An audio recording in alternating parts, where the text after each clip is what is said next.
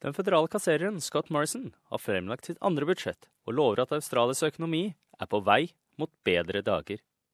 Han sier at tiltakene i budsjettet handler om å gjøre riktige valg for å sikre bedre dager fremover. Men med tøffe velferdsendringer blant hans valg kan dette budsjettet bli kontroversielt. Idet han la frem sitt budsjett for 2017-2018, appellerer Scott Morrison til australiere som føler det er trangt. Small business owners have gone without to keep their businesses open. Australians have taken second jobs where they can, so bills can be paid. And it's been a fair while since most hardworking Australians have had a decent pay rise. Morrison sier dette budsjettet bygger på klare tegn om at globale økonomiske forhold forbedrer seg. Men han bemerker at han måtte gå bort fra de såkalte zombietiltakene, for det meste de tiltakene fra Joe Hawkeys 2014-budsjett som regjeringen ikke har klart å få igjennom i parlamentet. Having exhausted every opportunity to secure savings from our 2014, 15 and 15, 16 budgets, we have decided to reset the budget by reversing these measures at a cost of $13.5 billion. Despite this, I can confirm tonight that the budget is projected to return to balance in 2021 and remain in surplus over the medium term. Han sier at den underliggende kontantbalansen vil øke fra prognostisert underskudd på 29,4 milliarder dollar i 2017-18 til et prognostisert overskudd på 7,4 milliarder i 2020-21. Kassereren sier at dette budsjettet retter seg mot fire hovedområder. Sterkere vekst for å levere flere og bedre betalende jobber, sikre viktige tjenester, lette levekostnader ved å forbedre tilgangen til rimelige boliger, og sikre at regjeringen lever innenfor sine midler. Innenfor sterkere vekst har han siktet seg ut én bestemt sektor for spesiell støtte. Small business owners are out there fighting for growth in their businesses every day. They deserve our respect and our support. Et initiativ fra Abbott-regjeringen som gjør det mulig for små bedrifter å kostnadsføre eiendeler, er utvidet.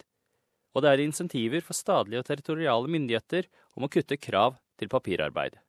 Så om lettelse av legekostnader for australiere generelt.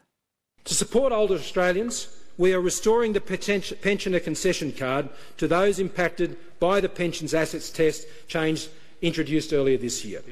As a result, they will regain access to state and territory based concessions that were withdrawn after the change. Morrison vil også ha en rettferdig behandling for bankkunder.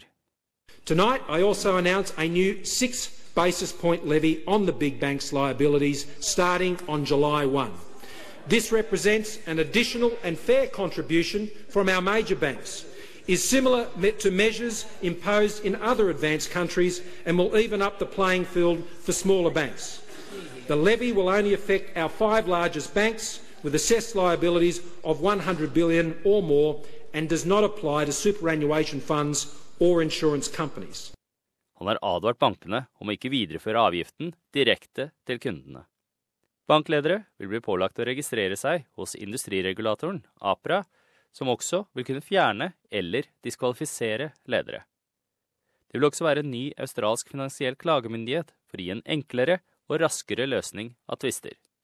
Boliger er et nøkkelområde for endring, idet regjeringen planlegger å introdusere en ny ordning som gjør det mulig for førstegangskjøpere å spare penger innenfor sitt superannuasjonsfond.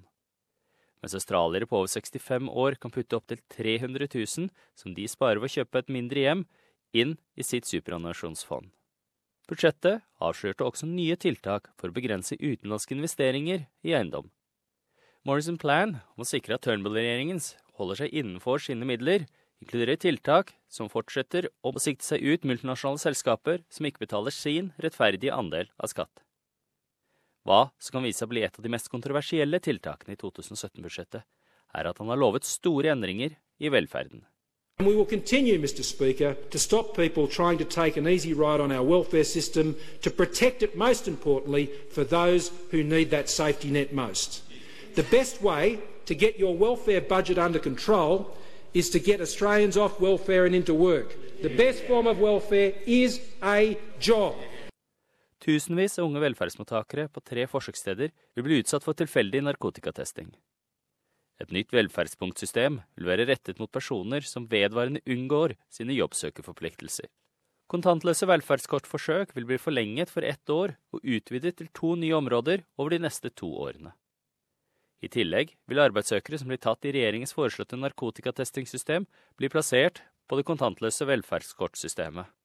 Denne saken var laget av Nicola Canning på SBS norsk. Jeg er Frank Mathisen.